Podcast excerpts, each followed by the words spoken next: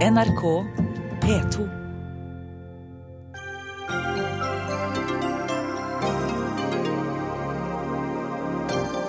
Situasjonen i Aleppo er verre enn noensinne, ifølge Verdens helseorganisasjon.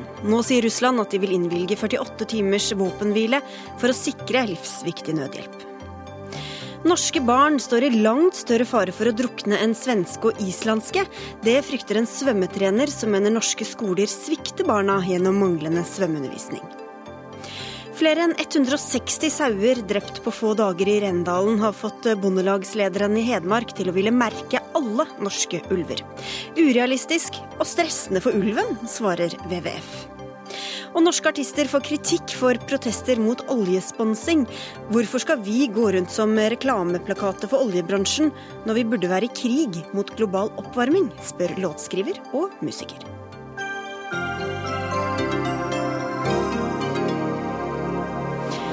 Vel møtt i Dagsnytt 18, som vanlig på NRK P2 og NRK2, og nå også hjemme igjen i studio på Marienlyst. Jeg heter Sigrid Solund. I dag har videoen av den fem år gamle Omran Daknesh gitt den syriske borgerkrigen nok et trist ansikt.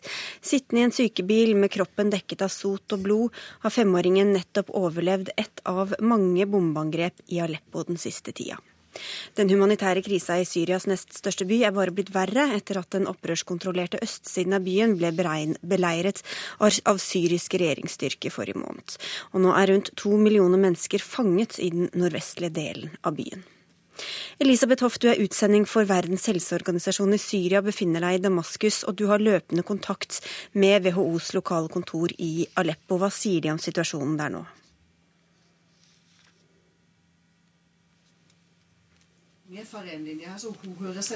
Skal vi se. Nå hørte jeg deg litt. Jeg vet ikke om du hører meg?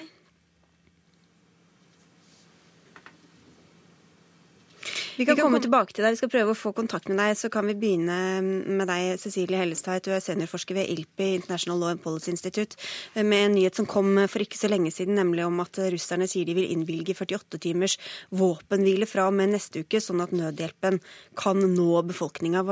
Overrasker det deg?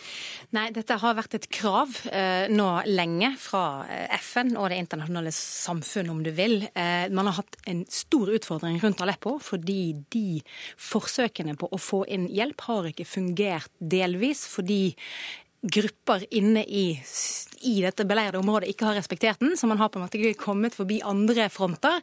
Men så er det også det at man, man, russerne frykter at hvis man åpner for lenge, så vil væpnede grupper bruke den åpningen også til å skaffe forsyninger til seg selv. Mm. For dette her er en krigssone hvor, hvor, det foregår en, en frontkrig. altså man, man prøver å endre på en frontlinje.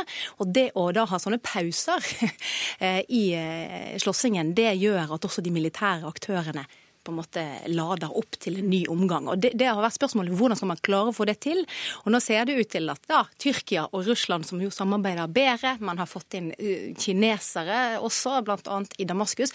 Nå foregår det diskusjoner på et sånt nivå at, uh, at, uh, at, man kan klare å få en sånn type garanti som gjør at russerne går med på den 48-timersregelen. Vi kan komme tilbake til, til de internasjonale forhandlingene som, som også finner sted. Men vi skal høre om vi har med oss Elisabeth Hoff nå. Eh, som kan fortelle om, om situasjonen inne i Aleppo? Ja, god ettermiddag. Jeg er i Damaskus, men har hele tiden kontakt med kontoret vårt i Aleppo. Da. Og jeg ønsker da å forklare at FN er alvorlig bekymra over sikkerheten til 1,8 millioner mennesker i Aleppo. Det er flere og flere som sliter med både fysiske og mentale helseproblemer pga. konflikten. Og det foregår, nå når vi snakker sammen, så foregår det uavbrutte kamphandlinger med bombing fra lufta og skyting fra bakken. Og I august så har det vært rapportert nesten 200 dødsfall og over 1000 nye såra. Mm. Bare i går så kom det inn over 100 nye såra til universitetssykehuset i, i Vest-Aleppo. Hva slags liv lever de der egentlig? Nei, det, Situasjonen er totalt uholdbart. Jeg snakka akkurat med eh, disse psykiaterne som da jobber på vårt eh, støtta, WHOs støtta helsetjenester for mental helse både i øst og i Vest-Aleppo. Og de rapporterer at det er flere og flere som søker hjelp foreldre som rapporterer at barna ikke får sove og ikke lenger leker, men henger seg fast i klærne deres, og at de er redd for å gå ut. Og at de, mange av dem har skolebarn som har begynt å tisse på seg gjennom natta. Og det er flere voksne menn nå som sliter med angst. Så situasjonen er veldig forskjellig fra en Aleppo som var full av liv, og gatene var fortsatt for en måned siden full av mennesker som var oppe seint på kvelden og ute og handla. Situasjonen er totalt forandra. Vi har også med oss Beate Ekeløver Slydal, du er politisk rådgiver i Amnesty Norge. Hvor alvorlig opplever dere situasjonen i Aleppo? Situasjonen er helt prekær. Og den eh, skyldes jo denne massive bombardementet som har pågått nå over lengre tid. Hvor vi jo også ser at eh, helsepersonell og sykehus er direkte mål for, eh, for bombingene. Dette gjør situasjonen helt uholdbar for de menneskene som faktisk lever der. Både fordi det er livsfarlig bokstavelig talt å være der, men like mye fordi det nå ikke er mulig å få den helt grunnleggende medisinske hjelpen og akutte kirurgiske hjelpen de trenger når de faktisk blir skadet eller alvorlig syke. Elisabeth Hoff, Hvordan jobber dere for å få levert inn livsviktige forsyninger og nødhjelp, som jeg hørte var, var, var vanskelig hele sommer? Ja, Nei, jeg må si at eh, Vi er veldig glad for å ha sett nå at i løpet av de siste fem dagene så har vi fått levert behandlinger til 58 000 mennesker i Øst-Aleppo.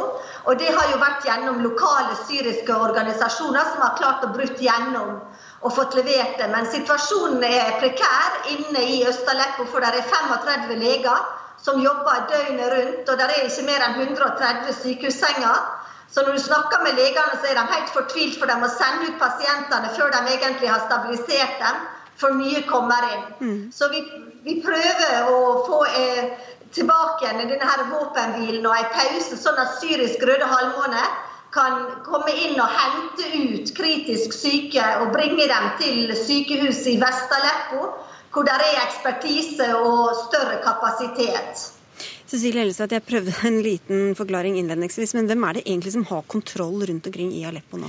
Altså, eh, Vi har hatt en situasjon i Aleppo i mange år, siden 2012, hvor det er veldig mange væpnede grupper på bakken. De siste to årene så har det skjedd en endring i den strukturen. Man har fått en litt mer enhetlig front på opprørssiden. Det er under en paraplyorganisasjon som heter eh, Jaysh el-Fatah. Der er mange forskjellige grupper med, også denne Nusra-fronten, denne Al Qaida-linkede gruppen som nå har har sagt farvel til Al Qaida, i hvert fall formelt. Eh, og de slåss sammen nå for å, for å gjenerobre de områdene som Assad-regimet sammen med eh, russerne har tatt i det siste. En av grunnene til at ting drar seg til i Aleppo nå, er at vi står foran forhandlinger som antageligvis skal starte om en to til tre ukers tid. Og det er også en veldig avgjørende periode politisk for Syria de neste, neste måneden. Eh, da drar det seg til på bakken, og opprørerne forsøker å få et så godt grep om den, det området i Aleppo som de har holdt. Og det er en sånn eh, vinn eller forsvinn-situasjon nærmest, altså fra, fra opprørerne sin side. Så det er en ganske sånn desperat kamp de eh, slåss for å få liksom, tilstrekkelig grep før man går inn i en sånn forhandlingssituasjon. Neste uke så kommer det en rapport for Sikkerhetsrådet, som er den første i sitt slag gjennom hele Syriakrigen, som Sikkerhetsrådet selv, altså inkludert Russland, har bedt om. Det er OPCW som har si, funnet ut hvem, altså hvilke personer som har stått bak kjemivåpenbruk i Syria. Mm. Det kommer antageligvis til å snu litt av dynamikken i det politiske. Eh, også fordi du får individer som også russerne, og for så vidt også Iran, kanskje er med på skal fases ut. Og så skal man inn i forhandlinger. Og nå er Det altså det som skjer rundt Aleppo nå, er at alle parter drar det til for å på en måte befeste sine, sine fronter i Aleppo. Og sivilbefolkningen er fanget i midten av dette. Og, og alt dette Ekeløv eh, Slydal gjør at det er mange som blir drevet på flukt, flukt fra Aleppo også. Hva er konsekvensen av det? Konsekvensen av det er at eh, det nå befinner seg nærmere 80 000 syriske flyktninger som er strandet eh, tett opp mot grensen til Jordan, eh, og som ikke kommer videre fordi Jordan fra og med 27.6 stengte grensen mot Syria etter et selvmordsangrep som fant sted ved grensen. Forholdene ved grensen har vært svært vanskelig veldig lenge, men har nå blitt helt prekær fordi det ikke har vært mulig for hjelpeorganisasjoner å få tilgang til flyktningene, sørge for mat, øh, vann, riktig medisinsk øh, utstyr og, og hjelp til de som trenger det. Så åpnet de så vidt for muligheten til å kunne forsyne flyktningene med vann den 4. august, med klar beskjed om at dette var et engangstilfelle. Så Det betyr at de menneskene som nå flykter fra de hardest krigsrammede byene i Syria, som nettopp Aleppo, som Homs, som Al-Raqqa eh, med flere, de er nå eh, i en marerittslignende situasjon som vi definerer som en, en humanitær og menneskerettslig katastrofe som verden må reagere på umiddelbart og forsøke å håndtere.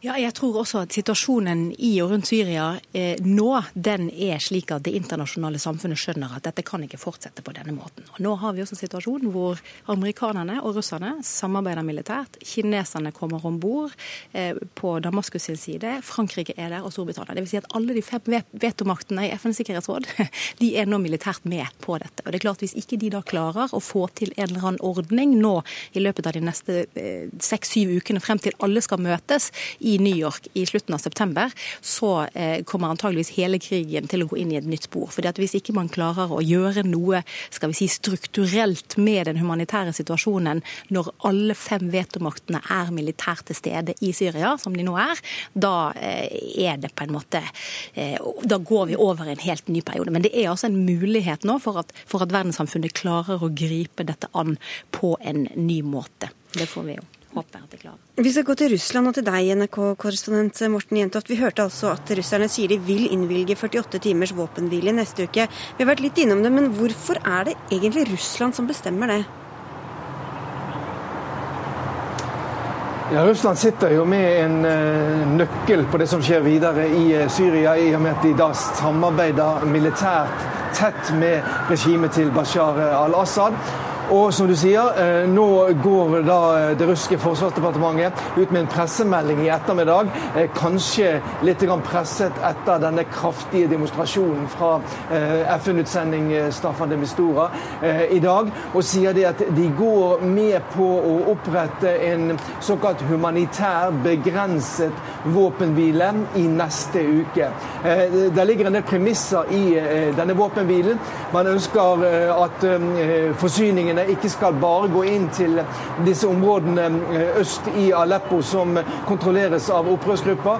Man ønsker også at forsyninger skal gå inn til de regjeringskontrollerte områdene. Eh, slik at eh, hvis russerne og den syriske regjeringen skal gå med på dette, så skal det altså være forsyningskonvoier som skal gå inn til begge grupperinger i konflikten. Og man har også konkrete forslag på hvordan denne skal organiseres. Men hvis man blir enige, enige om dette, så sier russerne at de vil la presse også de syriske regjeringsstyrkene til å la disse eh, kolonnene, disse matforsyningene, gå gjennom regjeringskontrollerte kontrollposter uten for mange hindringer. Hvor eh, steilt står Russland på å støtte Assad eh, nå inn i også disse forhandlingene videre? Ja, nå har man jo lagt stor eh, prestisje og ikke minst da eh, militær tyngde bak Assad-regimet. Eh, denne siste utviklingen, overraskende som vi har sett denne uken, med å gjennomføre angrep, flyangrep fra baser i Iran, forteller jo om at det er stadig nye utviklingstrekk i denne konflikten i og rundt Syria. Eh, russisk TV viser nå i ettermiddag da, eh, bombefly som tar av fra forskjellige baser på vei mot Syria. Et tydelig eh, signal om at russerne overhodet ikke har tenkt å stoppe sin militære innsats på Assad-regimets side, selv om man altså nå da åpner for en såkalt som man kaller det et pilotprosjekt med å, å, å, å tillate hjelpeforsyninger inn da, til den nødlidende befolkningen i Aleppo. Ja, jeg tenker også at eh, altså, Russerne de har grepet om Syria nettopp fordi de står og holder i det som gjenstår av det syriske statsapparatet. Assad sitter på toppen der, men russerne har gjort det klart de siste to til tre årene at de er ikke gift med Assad eller med individer i det regimet. Det har også Iran gitt egentlig ganske klar beskjed om. Så spørsmålet nå er jo hva slags forhandlinger får man? Hva kommer opposisjonen til å kreve? Hva kommer andre land som støtter opposisjonen til å kreve at hvilke mennesker på Assad sin side som ikke får lov å være med videre.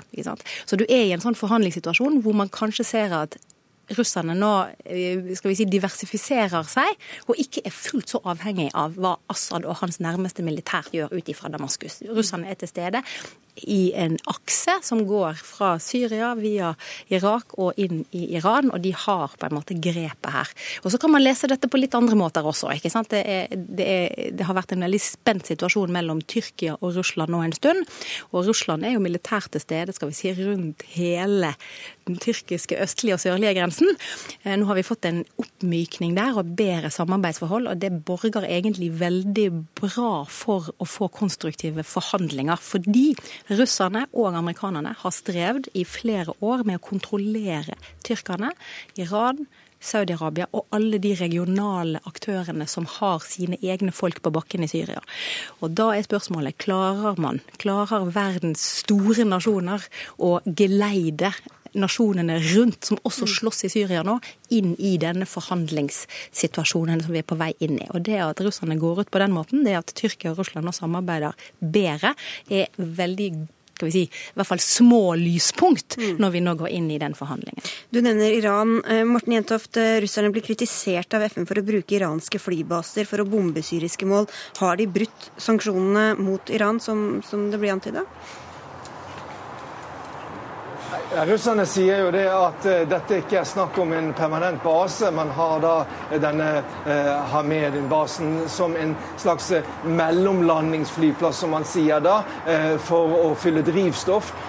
det er nok å være noe forsiktig. Det er klart at denne basen nå spiller en viktig rolle for å kunne intensivere flyangrepene mot, mot Syria. Russerne sier det at de har ikke brutt noen som helst slags sanksjoner her. De er bedt om å gripe inn i Syria. den syriske politisk lovlig valgte regjeringen. Og de henviser også til at eh, USA bruker baser i eh, Tyrkia og til angrep inn i, i Syria, og at disse angrepene heller ikke er sanksjonert av FN. Det er den russiske argumentasjonen mot den kritikken som kommer fra amerikansk side. Denne kritikken har jo for så vidt vært relativt forsiktig, overraskende forsiktig etter dette nye og ganske overraskende trekket fra russisk side med å bruke da iranske flyplasser i angrepene mot Syria. Ja, eh, det er klart Formålet med de sanksjonene man har mot Iran, er ikke denne type operasjoner som vi nå ser. Og det, det er et spørsmål her. Hva er forholdet mellom Russland og Iran? i Syria. Hvem er det som egentlig på en måte bestemmer her? Og dette er jo en måte for russerne også å markere at det er vi som på en måte sitter på toppen og, og, og legger litt av premissene her. Litt av den samme utfordringen som amerikanerne for så vidt har hatt både med tyrkerne og med Saudi-Arabia, men at det er en sånn markering i forhold til at vi står på toppen og, og kan, kan, bestemme og legge noen av premissene nå når vi går inn i denne høsten som kommer til å bli ganske avgjørende. Mm. Her står det mye på spill, og, og stormaktene er, skal forhandle behandle Slydal, For å si det forsiktig, så er ikke Norge veldig sentral her. Men dere har eh, skrevet et brev til utenriksminister Børge Brende. Hva, hva ønsker dere fra norske myndigheters side? Jeg tror det er viktig å ha i mente her når vi nå eh, diskuterer det som er den kyniske realpolitiske eh, eh, prosessen som pågår, at det er hver eneste dag, hvert minutt, så er det altså mennesker i Syria som rammes i dette spillet, dette krigsspillet. Eh, og det er en grunn til at eh, Jordan har stengt grensen sin. De har tatt imot 657 000 flyktninger og har sagt vi makter ikke med, resten av verden må ta et ansvar. Så det vi ber norske myndigheter om, og andre lands myndigheter om, det er en å sørge for at Jordan ikke stenger grensene sine, til tross for at de bærer et enormt ansvar for flyktningene nå.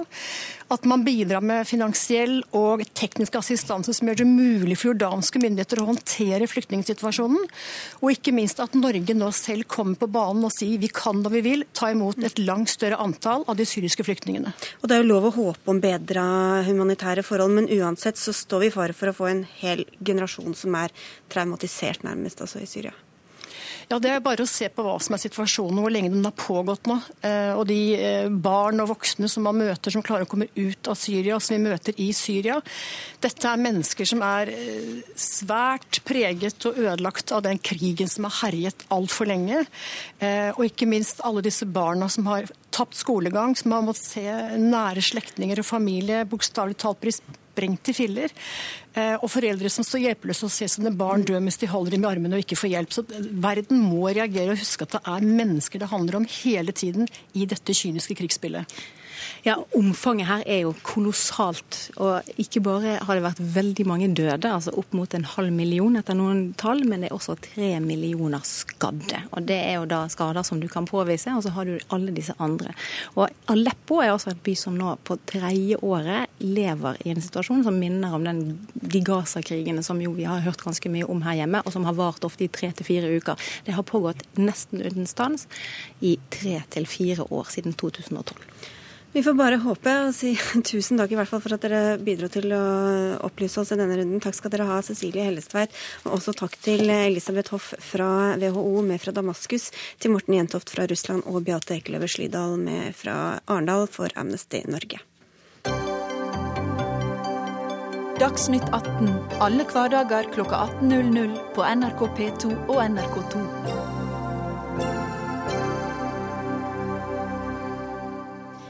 Så til norske forhold, der kortere helsekøer og lavere ventetider har vært en av de viktigste sakene for helse- og omsorgsminister Bent Høie. Men den siste tida har eh, Høies påstand om at helsekøene er blitt kortere, møtt motstand. Blant annet har Dagens Medisin avslørt at den offentlige statistikken over ventelister ser flottere ut på papiret enn hva den faktisk er. Og Torgeir Micaelsen, helsepolitisk talsperson for Arbeiderpartiet, du sier til Aftenposten i dag at helseministeren har mistet kontroll over ventelistene. Men bare for å gå litt inn i tallene her. Altså 61 000 pasienter går under radaren for den offentlige statistikken, sier du. Hvordan skjer det?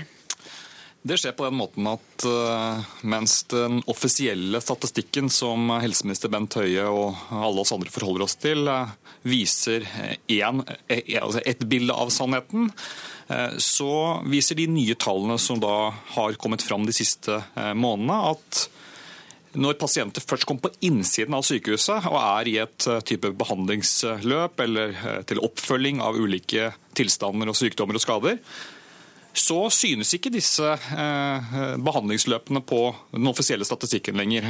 Men det vi da har nå fått dokumentert, er at en del av de medisinske fristene som sykehuset selv pålegger seg selv at pasientene skal få oppfylt, det kan være en kontroll for en pasient med hjerteflimmer, det kan være kreftpasienter som er i et eh, pakkeforløp, det kan være barn med kroniske sykdommer. De får altså fristene sine eh, som er medisinsk bestemt, brutt over en lav sko. og Dette har altså skjedd helt uten at pressen har visst det, pasienten har visst det, eller vi på Stortinget. Og Først nå får vi da dette på bordet. og Da er da jeg mener at Bent Høie nå må enten roe ned selvskrytet om eh, ventetidene og, og, og, politikken, eh, eller begynne å ta tak i det som faktisk betyr noe for pasientene. Ja, fordi Hvis sykehuset kaller deg inn og tar en samtale med deg, så står du ikke lenger på venteliste selv om ikke behandlinga kommer i gang. Er det sånn å forstå? Det er riktig. Ja. Den offisielle statistikken viser eh, følgende. Det er den tiden det tar etter at sykehuset har vurdert henvisningen fra den legen som har vist deg til sykehuset. Og så fort du da har vært inne på sykehuset på et tidspunkt, så er du såkalt av den offisielle ventelisten. og da ser tallene til Bent Høie som helseminister pene ut på den offisielle statistikken, men det er jo ikke noe særlig god politikk overfor pasientene hvis det ender med at, at masse pasienter blir stående og får pristene sine brutt på innsiden av sykehuset utenfor den offisielle statistikken. Så du, dette er mye ja, mer nyansert. Dere må være litt greie med meg, for dere sitter sammen i Arendal, eh, du og helseminister Bent Høie. Hva er da verdien over de ventelistene og de oversiktene dere gir, hvis de samme pasientene bare har flytta seg over til en annen kø som ikke blir oppgitt? Nei, Her eh, blander Torgeir Micaelsen kraftig eh, kortene. Eh, den ventetidsstatistikken som vi har ført i flere tiår, og som alle forholder oss til, det handler om ventetiden til sykehus. Det er det ingen tvil om. Ventetiden til sykehus går ned.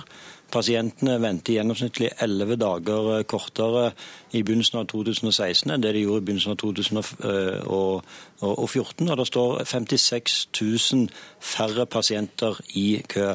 Det er det ingen diskusjon om. Men Hva er galt med den beskrivelsen som Michaelsen ga deg? Jo, fordi han blander sammen den eh, ventetidstatistikken som det er klare kriterier for, som har vært åpen hele veien, med en diskusjon om eh, pasient, eh, pasientens forløp når de er kommet inn i sykehusene. Der er det sånn at der eh, har det ikke vært noen statistikk tidligere eh, som har vært av en sånn kvalitet at en kan sammenligne det. Helse Sør-Øst har begynt å føre det. Det den statistikken òg forteller oss, og det har vært viktig for regjeringen, nemlig at ikke bare ventetiden til sykehus skal gå ned, men òg ventetidene i sykehus skal ned. Og Realiteten er at fra 2015, mai 2015 Eh, til eh, april 2016, så er det 25% færre pasienter som opplever å få utsatt eh, undersøkelser eller kontroller mens de er i et pasientforløp. Altså Det er en positiv utvikling der. Det bekreftes òg av Helsedirektoratet, som har undersøkt det samme for 300 000 pasienter i hele Norge. Mm. Og det bekreftes òg av det som opplever med eh, pakkeforløpene for kreft, nemlig at okay. 70% av pasientene innenfor pakkeforløp for kreft nå mange... får behandling innenfor de tidsfristene ja. som er satt. Det er veldig mange tall her, men hvis vi tar tak i, i prinsippet eller grunnlaget for kritikken din, Michaelsen. Her er det jo snakk om pasienter som faktisk er tatt inn og vurdert. og Det må vel legges til grunn at sykehusene vurderer hvem som kan vente og hvem som trenger uh, umiddelbar behandling. Så hva er da egentlig problemet? Eh, ja, Det er helt riktig, og det skjer jo i dag. og Det er veldig bra. og Det er jo det som er egentlig poenget med kritikken. det er at eh, Etter at sykehuset har gjort en vurdering om hvilke pasienter som trenger å bli sett til av en lege eller en annen type helsepersonell på et gitt tidspunkt senere. Og Det kan være alt fra at du må bli sett til på nytt igjen eh, om en uke eller om tre måneder. Så det er en vurdering som blir gjort. Men etter at de da har gjort den, nemlig den vurderingen, så brytes disse fristene som sykehuset selv har pålagt eh, seg selv, eh, over en lav sko. Og Poenget er at dette har da ikke vært kjent statistikk ikke vært kjent for pasientene eller for oss på Stortinget før nå. Og Hvis jeg var deg, Bent Høie, så ville jeg vært litt forsiktig med å skryte av en nedgang i disse tallene. Altså Det jeg hører, og det jeg har nå spurt også regjeringen om, kan bekrefte, er at eh, dette tallet for pasienter som får disse fristene brutt, er langt høyere enn det som tidligere har vært oppgitt når statistikken gjennomgås. Det jeg er opptatt av, er å få en ærligere debatt om hva som er den reelle situasjonen for pasientene. Ikke denne glansbildeversjonen og at jeg og Bent Høie skal holde på med sånn pingpongdiskusjoner ja, om hva som er Handler det da om pasientenes ve og vel, eller er det retorisk poeng for deg å ikke kunne Den aller viktigste indikatoren på om vi lykkes i, uh, i, i sykehusene, er jo om pasienter blir sett til å få behandling innenfor ja, det som er de medisinske Vi må jo tro at de gjør det så lenge sykehuset har tatt en uh, vurdering, gjør det ikke det? da? Nei, det er jo nettopp det disse tallene viser. De har tatt en vurdering, så har de satt opp nye timer, nye kontrolltidspunkter, og så brytes det da for over 60 000 pasienter bare i mm. Helse Sør-Øst. Mens tallene ser penere ut for deg eh, da, Bent Høie? Nei, altså Det som er realiteten, det er at det, det gjøres nå en fantastisk jobb ute i sykehusene. Både for å redusere ventetiden til å komme inn til undersøkelse eller behandling i første omgang. Ja, men her er det mange tusen som står i denne interne køen. Er det bedre å stå i en intern kø enn i en offisiell ekstern kø? Bare for, for, for å fullføre mitt resonnement. Eh, det er altså sånn at gjør en fantastisk jobb med å redusere ventetiden for å komme inn til den første undersøkelse, kontroll eller behandling. Og betydelig færre pasienter står i kø. Så er det sånn at, eh, eh, det er sånn at de, om noen år så vil sannsynligvis 20 av befolkningen være inne i en eller annen form for Eh, behandlingsforløp i sykehusene. Det er ikke sånn at det å ha kortest mulig ventetider i det forløpet er en fordel for pasienten. For eksempel, så er det sånn at Hvis du skal ha en kontroll, så skal du ha en kontroll etter to år. Du trenger ikke nødvendigvis å ha den kontrollen etter ett år. Det som da er viktig, det er at du får den undersøkelsen, kontrollen eller behandlingen på det tidspunktet som er planlagt.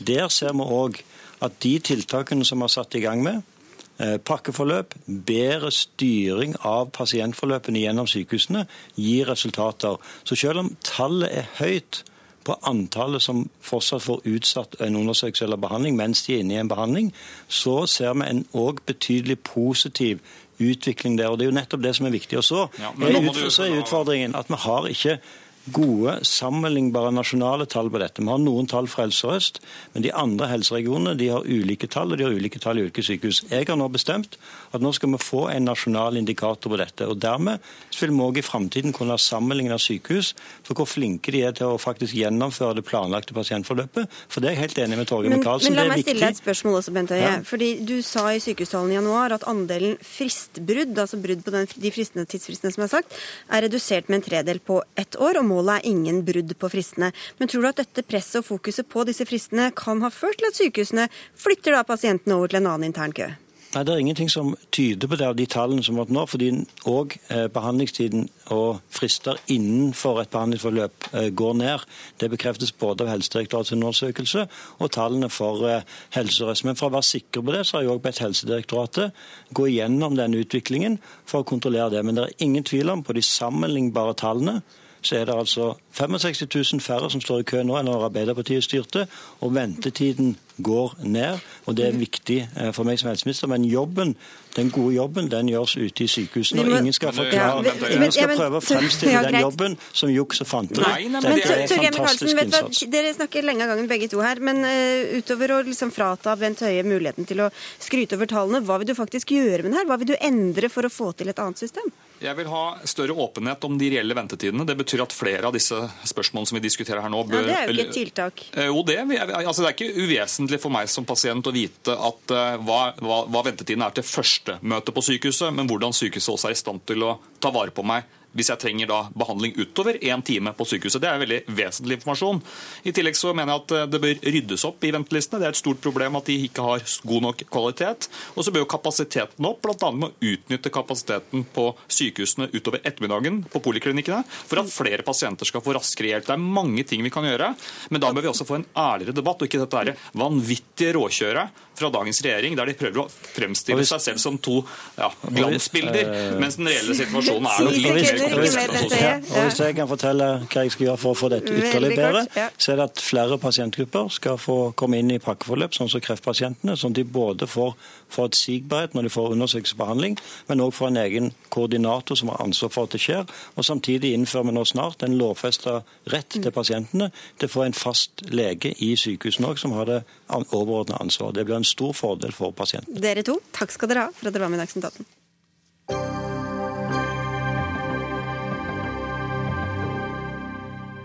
Festivalsommeren er på hell, men debatten om finansiering av festivalene lever i beste velgående. I Aftenposten de siste ukene har sponsing av kulturen vært tema, etter at det ble etablert en motfestival mot jazzfestivalen i Kongsberg, fordi både olje- og våpenprodusenter sponsa festivalen. Det er blitt eh, etter hvert en del musikere som ikke vil ta imot penger fra det de mener er skitne bransjer, og da særlig oljeindustrien.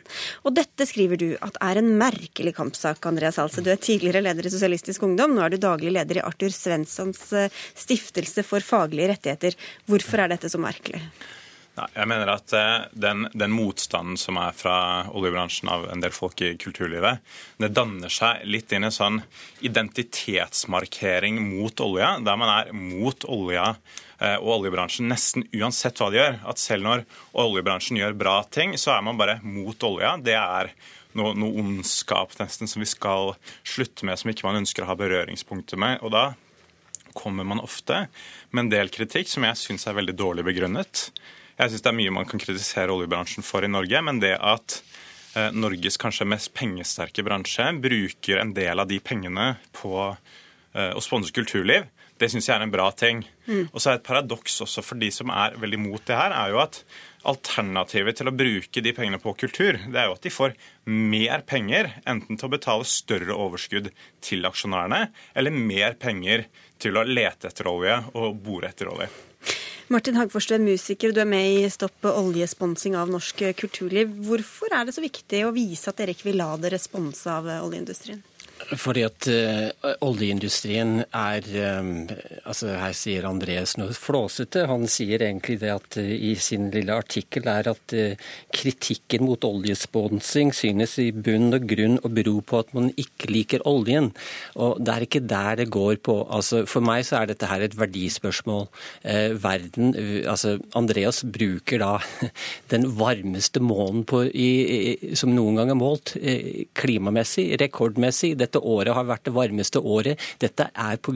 at vi, eh, vi har brent så mye fossilt brensel her på jord at de fremtidige generasjoner eh, har meget usikre tider i møte. Dette her er det som er hovedsaken vår. Det er og grunnen til eh, personlig Altså, jeg er ikke prinsipielt imot sponsing, men jeg vil gjerne Jeg har vært selvstendig næringsdrivende nå i 20 år og vært i arbeidslivet siden jeg var 18. og jeg Jeg leser alle kontrakter jeg signerer. Jeg ser om det, om det, kommer, om det er et stipend som jeg søker fra staten til et musikkprosjekt, eller om det er platekontrakt, eller f.eks. et stipend fra f.eks. Statoil. Ja, Du vil ikke gå rundt som en reklameplakat for dem? Det er nettopp det. Det er, veldig, det er akkurat det man gjør. Han, han, sier at, Andreas sier her at det er veldig bra at oljebransjen bruker disse pengene, men at det her er så peanuts. Det her er utrolig billig reklame. Dette, dette her er børsnoterte selskaper som er, eh, som er avhengige av å ha et godt renommé for å øke sin egen verdi. Og Hvorfor skal de da gå rundt og la seg assosiere og reklamere for en bransje som står bak da en del av hvert fall oppvarmingen? Det blir i hvert fall ikke en global oppvarming av at oljebransjen bruker penger på, penger på kultur. kultur. Altså Kulturlivet i Norge driver verken med leting etter olje eller utvinning av olje. Um, men, de, men, du er enig i at det blir reklame for eh, f.eks. Statoil, hvis man inngår en eh, kontrakt med dem? altså Jeg er enig i at Statoil sannsynligvis ønsker og synes at det er derfor de betaler for den typen oppmerksomhet, men jeg syns ikke det er så veldig stort Eh, problem, for å være helt ærlig. Fordi kulturbransjen har absolutt ingen makt over eh, oljepolitikken i Norge i dag. Det som er et veldig mye større problem, tror jeg, som, som, er interessant, som jeg aldri har hørt noen kritisere, det er at det er mange andre organisasjoner som mottar støtte fra oljebransjen. Jeg kan nevne noen av de. Eh, Bellona, miljøorganisasjonen Bellona mottok støtte av Statoil inntil 2011. De ville selv fortsatte Statoil avslutta arbeidet. Naturvernforbundet mottok 500 000 eh, kroner av Statoil hvert eneste år.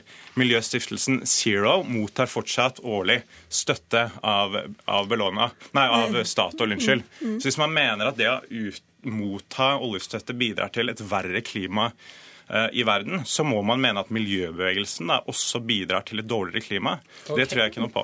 Og heldigvis, og heldigvis så har mange av disse her eh, forandret sin eh, Nå, nå har du sagt at du var i hvert fall på Bellona et par av disse andre. Zero fortsatt. Okay, på zero, zero fortsatt, OK. Men så har vi også kunst... kunst vent litt kunstmuseer som Tate, byer som Berlin, Stockholm, Paris, København, også Oslo. Norges pensjonsfond. Det er veldig mange svære aktører som ikke vil være med å, å, å, eh, å legitimere oljebransjen. Vi har nå nylig, nylig åpnet for nye leteområder i, i, i Barentshavet og, og nord. Dette her er takket være eh, oljeselskapenes pådriving og den store makten, som du helt riktig poengterer i, i, ditt, eh, i, ditt, innlegg, at oljebransjen har blitt så kraftig, som du nevner, nesten sterkere enn staten. Men det er det, fordi dere vil jo, du er ikke prinsipielt imot å ta imot penger fra staten, som jo er faktisk de som legger til rette for oljeselskapene. Oljeselskapene eh, gjør jo bare det de får lov til. Altså, Penger mot, fra staten. altså Vi sitter her på NRK, eh, Norsk Rikskringkasting. Eh, Andreas her har, vært, eh, har gått på norsk skole. Han har sittet i politiske partier som har mottatt stipend. Eh, han, eh, altså alle oss har vært innom norsk helsevesen. Ja, alle oss har brukt penger som også har blitt generert via, via Men poenget er at det er jo ikke oljeselskapene selv som bestemmer hvor mye de får hente opp av olje og gass f.eks. Det er det jo staten som gjør. Så hvorfor er det oljeselskapene dere skal de, sanksjonere mot? Eh, de er pådriver for å ta opp enda mer. I den, og når, når vi hadde nettopp den Parisavtalen der vi, vi håpet på en et, et tak på oppvarming på 1,5 eh, Tidligere var det 2% Disse målene kommer vi aldri til å nå. Vi, vi, kommer aldri til å nå disse målene her hvis ikke vi virkelig går til krig mot fossilt, den fossile industrien. Her må det en holdningsendring i alle bransjer. I min bransje, som eh, selvstendig næringsdrivende innenfor eh, Kultur-Norge, så er det veldig viktig for meg å, å markere at dette her er noe jeg ikke vil være med på å støtte. Altså det, som, det, som, er Problemet er at dere er mot oljebransjen uansett. Jeg er enig i at det har vært for høyt tempo på sokkelen i store tider i Norge. F.eks. under den rød-grønne regjeringa, når oljeprisen var på over 100 dollar fatet, så tok vi opp for mye olje. Vi eh, investerte altfor mye. Og Da gikk det så langt at Oljefagforeninga i Norge, Industri Energi, sendte et brev til den rød-grønne regjeringa og ba de senke tempoet på sokkelen, både av klimahensyn, men også fordi det gikk utover sikkerheten til de ansatte. I, og I den typen saker så opp oppnår man aldri noe støtte fra den type miljøer som, som du representerer. At det er kun den symbolmotstanden eh, mot oljeindustrien som jeg opplever at kommer. At man er mot olja fordi at olja er liksom et symbol på noe som er galt. Jeg, og jeg er ikke enig heller at vi skal avvikle all oljeaktivitet. Vi skal gjøre det som er mulig innenfor Nei, klimamålsetningene. Dere er mot de uansett hva de gjør, ikke bare når de gjør ting som er kritikkverdige. Du vet ikke hva jeg mener. Og, eh, og når, det gjelder, når, når, du, når, du, når du snakker om symbolen her Reklame er 100 symbolikk. Og, og, og, det å stå og spille med en, Shell-reklame bak ryggen, eller en Statoil-reklame bak ryggen, eller hvis man vil se på det som tidligere var en av disse eh, såkalte feilaktige stipendene som Statoil hadde under Bilarm. De kalte, de kalte en sponsingsavtale for et stipend. Um, og, og det, det, det, var, det, er helt vilt, det som står i disse kontraktene. men, men mener du at organisasjonen Zero, som er en miljøstiftelse Jeg, jeg, jeg vet men, ingenting om Zero. Jeg har ingenting med Zero å gjøre. Er ja, men, men mener at alle som blir sponset, de er en reklameplakat for industrien?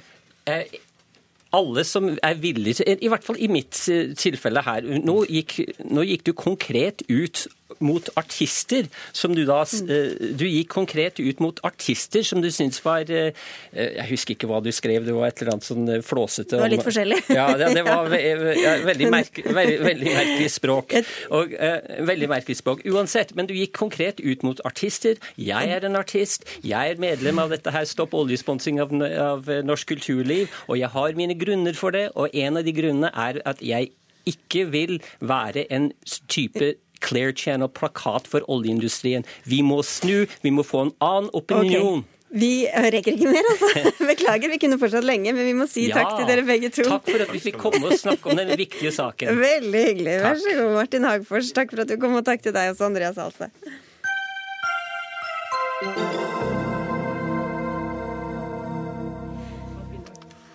Island, islandske og svenske barn er langt flinkere til å svømme enn norske, viser tall fra Norges svømmeforbund. Bare halvparten av norske barn i fjerde klasse kan holde seg flytende i vannet i henhold til læringsmålene, mens ni av ti svenske barn og 98% islandske kan svømme. Dette handler om barn som det politiske Norge har sviktet på det groveste, og kan ikke kalles annet enn en nasjonal skam, skriver du i en kronikk i Aftenposten forrige uke, Øyvind Marstein. Du er svømmetrener og jobber i skolen. Harde ord? Eh, men også helt betimelige. Hva er inntrykket ditt av hvordan eh, svømmeopplæringa blir prioritert rundt omkring i norske kommuner, som jo er eiere av grunnskolen? Eh, vel, kronikken som jeg regner med at ikke alle har lest, handlet rett og slett om mine erfaringer i de siste 25 år som svømmetrener. Og spesielt da for 15 år siden så skrev jeg et anbud, som er blitt det vanlige nå når man skal holdt på å si, ha et privat-offentlig samarbeid. Så går kommunen ut, og så sier de hvem kan gjøre denne jobben for oss. Eh, så leverte vi da et anbud som innebar at eh, alle barna i kommunen ville ha tolv timer undervisning eh, i året fra første til tiende klasse. Dette ble vurdert da som for dyrt, og for dyrt var da 18 kroner i timen per elev, kontra at man i det private betaler 430 kroner. Så vi snakker om omtrent 1 til 20 så det blir nedprioritert eh, av økonomiske årsaker? Ikke bare nedprioritert, dette er en spesiell, spesiell type ferdighet. Eh, er mange, altså nå er det et læreplanmål i skolen, på lik linje med å lese og skrive. Men det er klart, eh, holdt på å si, det hjelper ikke å ta fram penn og papir i det øyeblikket du er i ferd med å drukne.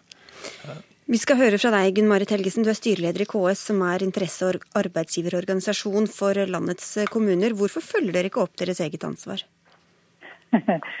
Eh, jo, eh, jeg tror norske kommuner eh, virkelig forsøker å følge opp nasjonale pålegg og, og krav.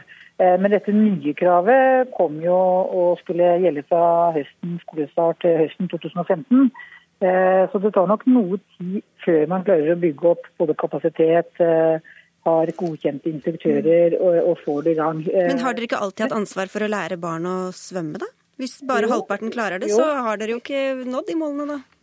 Nei, og det er tydelig at dette er, er, jo det er jo sånn at det er den enkelte kommune som må sette det på dagsorden. Så sånn sett så får man jo bare takke alle som har bidragsyter til å få, få det på dagsorden, slik at man bevisstgjør kommunene sitt ansvar. Eh, og så er jeg enig i at her er det nok store forskjeller mellom kommunene. Vi vet jo noen kommuner som faktisk har gitt en hederlig innsats og tilbyr gratis eh, hopps i svømme, svømmeopplæring og tilgang til bassengene for sine, sine, barn. Mens andre kanskje i den strenge prioriteringsdebatten mellom barnevern og skoler alt mulig, ikke har klart å, å få det slik at de tilfredsstiller målene. Og Det betyr bare at her har vi et enormt forbedringspotensial. Eh, men, men akkurat i forhold til de nye kravene som kommer høsten 2015, så tror jeg man skal være Eh, det er liksom ikke bare å knipse i fingrene og tro at kommunene klarer å innfri på et års mm. eh, tidshorisont på, på, det å få kompetente svømmeinstruktører, og at man også har bassenger og, og, og, bygninger til dette formålet. Men hvis vi ser litt lenger tilbake til det, for, og ikke slipper karakteristikkene helt, eh, Marstein. Du skriver at kommunene har vist seg kompetente til én ting, og det er å utdanne morgendagens drukningsofre. Det er ikke særlig mye til skussmålet? Nei. Og igjen, altså når når man ender opp med å svikte én av to elever, eh, så, så, har man sviktet. Og, og, Derfor er ikke denne kronikken holdt på å si et slags eh, holdt på å si bidans for å, å lokke kommunene til å ta ansvar. Eh, det er en mistillitserklæring. Kommunene har sviktet, og da er det på tide å spørre spørsmålet hvor skal disse pengene hentes, når kommunene verken ser ut til å ha betalingsevne, vilje og heller ikke da bestille kompetanse til å, til å en skape en dyktig en svømmedyktig elev. Vi skal få inn deg også, Henrik. Du skal få slippe til, Helge, så vi må få inn Asheim først. Henrik Asheim, du er utdanningspolitisk talsperson i, i eh, Høyre. Hva syns du om disse tallene og denne virkelighetsbeskrivelsen? Nei, Jeg syns det er eh, veldig alvorlige tall, og jeg syns også for så vidt at det er betimelig med en sånn kraftsalve som kommer her, nettopp fordi dette handler til syvende og sist om liv og død for veldig mange mennesker. Eh, og dette er noe vi skal eh, lære barna våre. Eh, og Derfor så har vi fra Stortingets side vedtatt en hel del nye ting. Altså, det innføres nå ferdighetsprøver som skal gjennomføres flere ganger fra første til fjerde trinn. De vil fra neste høst være obligatoriske, så det vil ikke være rom for kommunene til å ikke lære barna å svømme. Og vi skal bl.a. også sørge for at altså Problemet i dag er at under halvparten av kroppsøvingslærerne i barneskolen ikke har har opplæring i svømmeopplæring. Så det skal vi også sørge for, at nå får alle eh, det kurset. Men dere har jo 74 ordførere fra Høyre rundt omkring. Hvordan har de fulgt opp målet, som egentlig har vært veldig lenge, om at alle skal lære seg å svømme? Nei, altså Jeg har ikke oversikt over hvordan alle høyrestyrte kommuner uh, gjør det på dette. Uh, men jeg er helt sikker på at det gjelder i alle partier at vi har noen kommuner som ikke uh, gjør dette grundig nok. Og så er det sånn at Vi fra Stortingets side vedtar jo en hel del en måte, krav og ferdigheter i mange fag om ting man skal gjøre. Og Da er det faktisk slik at kommunene som er skoleeierne, som du helt riktig sa i sted, har ansvar for at elevene oppfyller de kravene som er nasjonalt satt at elevene skal prestere.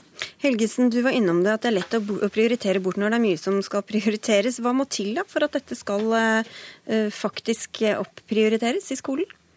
Jeg hører at uh, man har mistillit til kommunene, og jeg hører at uh, Stortinget, som selvfølgelig til enhver tid vedtar nye krav og pålegg til kommunene, som de har ansvar for, det er vel og bra. Men det å ha ensidig mistillit til én part, hvis den parten som da vedtar lover, og pålegger kommunen ansvar, ikke finansierer det, det syns jeg blir ganske urimelig. Her tror jeg kanskje både stat og kommune hvis man virkelig har ambisjoner om at eh, alle barn skal kunne svømme, hvilket jeg er helt enig i, det bør være et krav, da må jo også staten ikke bare sitte og vedta og ikke finansiere opptjenesten. Da tror jeg vi har en, vi har en debatt og en dialog eh, oss imellom som gjør at eh, det er veldig lett å love på vegne av andre hvis man ikke har tenkt å finansiere tjenesten. Og jeg tror nok den, eh, det som går på kommuneøkonomi, det som går på eh, å finansiere opp alt det som eh, kommunene skal gjøre, der tror jeg vi har mange eksempler på at det er lett å vedta reformer som aldri er fullfinansierte. Og det tar vi med staten jevnlig. Du skal få svare, altså. Vi får inn svømmelæreren her først. Den gordiske knuten i, i, norsk politikk er jo klart i forhold til hvem skal man legge skylden på. Altså, I realiteten så er det ikke politikk det muliges kunst. Det, det er på en måte det som på nynorsk heter the blame game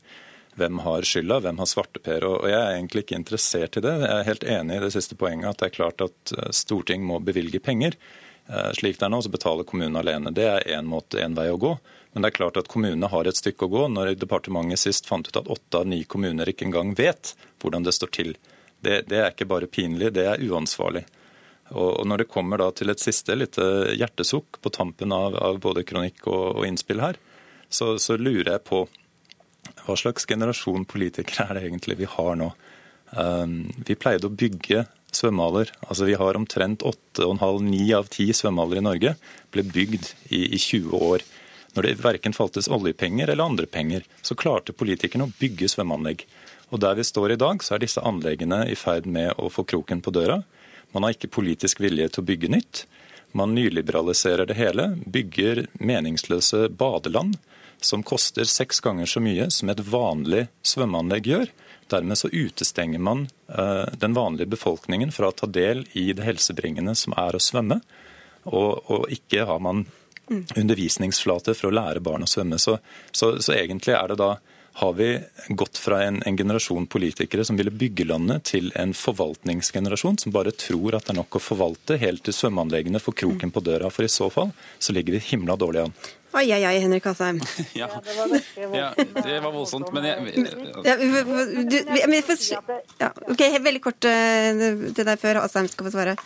Ja, jeg jeg syns kanskje det er ganske urimelig å generalisere alle folkevalgte på den måten som her gjøres. Det er helt klart at det er stort forskjell mellom de ulike kommunene. Noen tar det ansvaret. Jeg tror alle tar ansvaret, men det er også en prioriteringsdebatt. Og da tror jeg vi må også, Det snakker ikke om å skylde på noe, det er veldig liten sant eh, for å skylde på noe. Men det er et faktum at det er det er staten som finansierer kommunesektorens mm. ansvar, og det er de som vedtar eventuelt det ansvaret de oppgavene de skal ha. og Det må være samsvar mellom inntekter og utgifter. Ja, da var vi tilbake til, til deg, Henrik Asheim, helt avslutningsvis. Da. Eh, dere legger eh, skylda over på kommunene og forvalter, og bygger ikke og sørger ikke for at dette faktisk eh, gjennomføres da?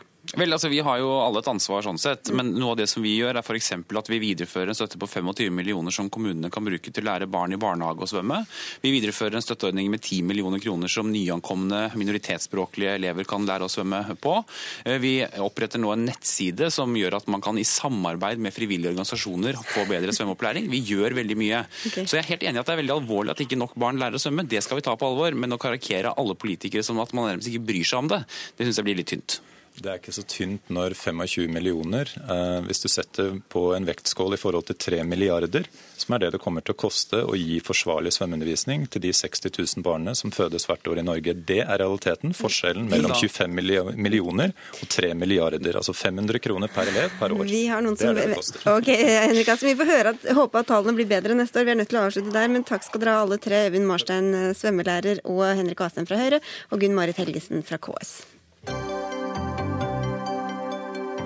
Hør Dagsnytt 18 når du vil. Radio NRK Radio.nrk.no.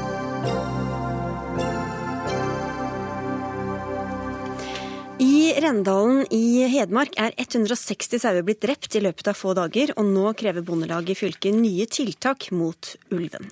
I Nasjonen i dag tas det til orde for å merke og peile alle de norske ulvefamiliemedlemmene. Hvis disse to aktuelle ulvene hadde vært merka, kunne dere funnet dem og stansa sauedrapene raskere, sier du til avisa Erling Aaseng. Du er bondelagsleder i Hedmark. Hvorfor er dette tiltak du har tro på? Jo, fordi eh, vi har prøvd nesten alt som kan prøves når det gjelder å ta ut uh, ulv som, som, går inn i, i, eh, i, i store beiteområder der beitedyra har prioritet, og uh, gjør ubotelig skade. Som vi opplevde i, sommer, så har da Eh, bøndene i, i Rendalen hatt ulv inne i området i 50 dager. Og det sliter fryktelig på eh, de personene som er involvert. og det er eh, en stor dyretragedie som har skjedd. Så Nå er vi nødt til å finne andre måter å gjøre dette her på for å redusere dyrevern, dyrelidelsene her. Mm. Belastninga på den enkelte bonden og storsamfunnets kostnader. For de er enorme når du er nødt til å sette i gang et regime med jakt. Men hva er det du da ser for deg at skal skje? Det jeg ser for meg, som jeg har tatt til orde for, det er å reise en debatt om vi ikke bør prøve å utrede eh, muligheten for å merke de uh, ulvene vi har i Norge. Stortinget vedtok nylig eh, en ny forvaltningsplan for ulv, der vi skal ha fire til seks familiegrupper i Norge. De er ikke flere ulver enn at vi skal kunne klare å, å, å forvalte dem på enkeltindividsnivå. Eh, teknologien når det gjelder å merke, radiomerke dyr, den har gjort kvantesprang de siste åra. Og jeg mener at vi må utrede muligheten for å kunne skippe og merke de her, her rovdyra, både av hensyn til ulveforvaltninga, men eh, i særdeleshet hensyn til beitenæringa. Sverre Lundemo, du er rådyrrådgiver i WWF, og i lys av alle disse lidelsene, så er det kanskje ikke så dumt å vite hvor ulven befinner seg? Altså, jeg vil jo først bare si at eh, Med all respekt å melde så er det mer et tulleforslag. For det her er jo noe som ikke har noen som helst effekt. Det, det er én ting. Og det andre er jo at altså, ulven er jo den hører jo naturlig hjemme i norsk natur. Den er kritisk trua. Det er ikke veldig mange ulver i Norge, kanskje bare noen og 60. Og Samtidig så har vi jo ulv i totalt 28 land i Europa, og i 22 av er det mer enn 200 ulv. Og de klarer å leve med ulven. Altså, skal du ha som forslag om at du skal peile og overvåke all ulven i Norge? Men hvorfor er det tulleforslag? Nå er det jo sånn at uh, De ulvene som forårsaker skader på sau i Norge, det er jo all hovedsak ulv som kommer på streif fra Sverige. Så om vi så hadde merka all ulv i Norge, så ville ikke det hatt noe utslag på uh, skadebildet. Mm. Ja, hva hjelper det da å merke norske ulver, Åseng? Nei, jeg syns det er en veldig defensiv inngang fra WWFs side. Her har vi da levd med et ekskalerende konfliktnivå i rovdyrdebatten i Norge gjennom 25 år. Og fortsatt så sitter WWF ned i skyttergrava og skyter. Eh, jeg, mitt anliggende her er å prøve å løfte debatten og prøve å skape noen, noen bedre løsninger. Mm. Både for ulveforvaltninga og for beitenæringa. Stortinget har vedtatt en todelt målsetting. Eh, det ser ikke ut som WWF tar hensyn til i hele tatt. Nei, men til, til, til, innholdet i det han sier, da, at det hjelper ikke noen ting å merke norske ulver når det uansett er det blant annet, eller også svenske streifulver som kommer og tar sauene? Det er riktig det. At det er mye svensk streifugl inne i Norge som, som er et, eh, en kjempeutfordring for oss. Men en plass må vi starte. Eh, og jeg syns vi kan starte med den norske ulven, som, eller den ulven som da skal ha tilhold i Norge i henhold til Stortingets vedtak. Og så vil vi se hvordan det kan mm. eh, påvirke den samla skandinaviske ulveforvaltninga. Jeg tror vi er nødt til å begynne en plass her, og iallfall kikke på muligheten for det. Det å avvise sånn, en, en sånn tanke som et tulleforsøk, det syns jeg er er litt lite respektfullt og, og viser litt kunnskapsløshet i forhold til historie her. Og Det kan ikke underslå heller fra VVS' side at vi har et eskalerende konfliktnivå. Og, og Dere er sikkert uenige om hvem som skaper det konfliktnivået, men hva er, det, hvorfor, hva er ulempene ved et sånt forslag? da?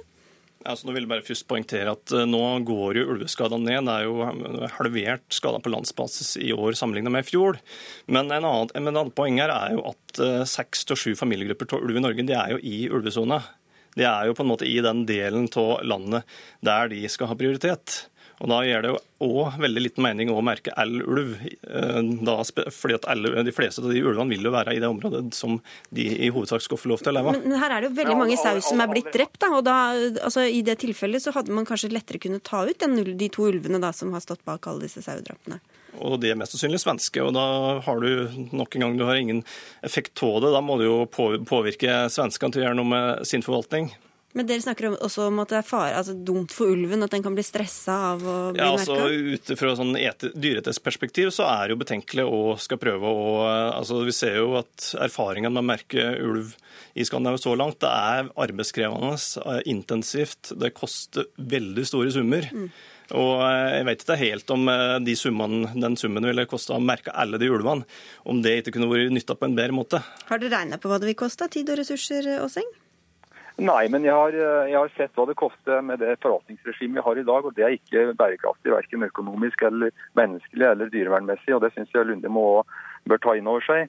55% av norsk landareal er prioriterte rovdyrområder. Vi skal ha en todelt målsetting der òg beitedyra skal ha plass. Vi er nødt til å kunne forvalte de områdene, slik at vi kan ta ut de rovdyra fort. Og Det er jo ikke slik Lundemo, at, at de norske familiegruppene holder seg ensidig innenfor ulvesona. Vi vet at de trekker ut.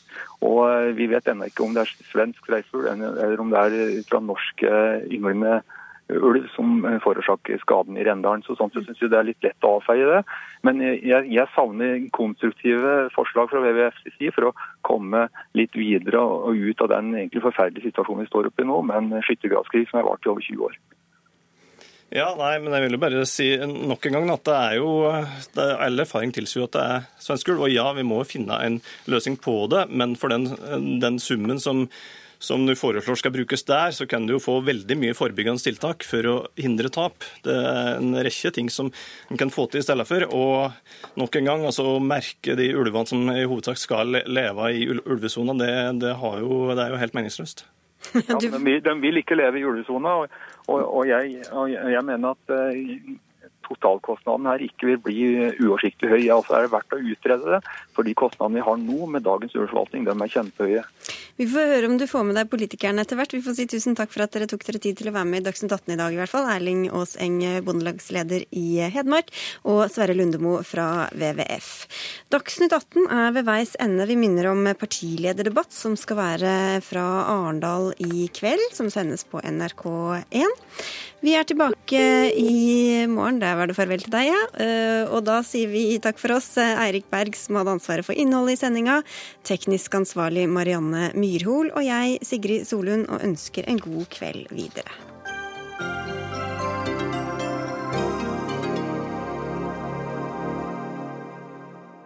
Hør flere podkaster på nrk.no podkast.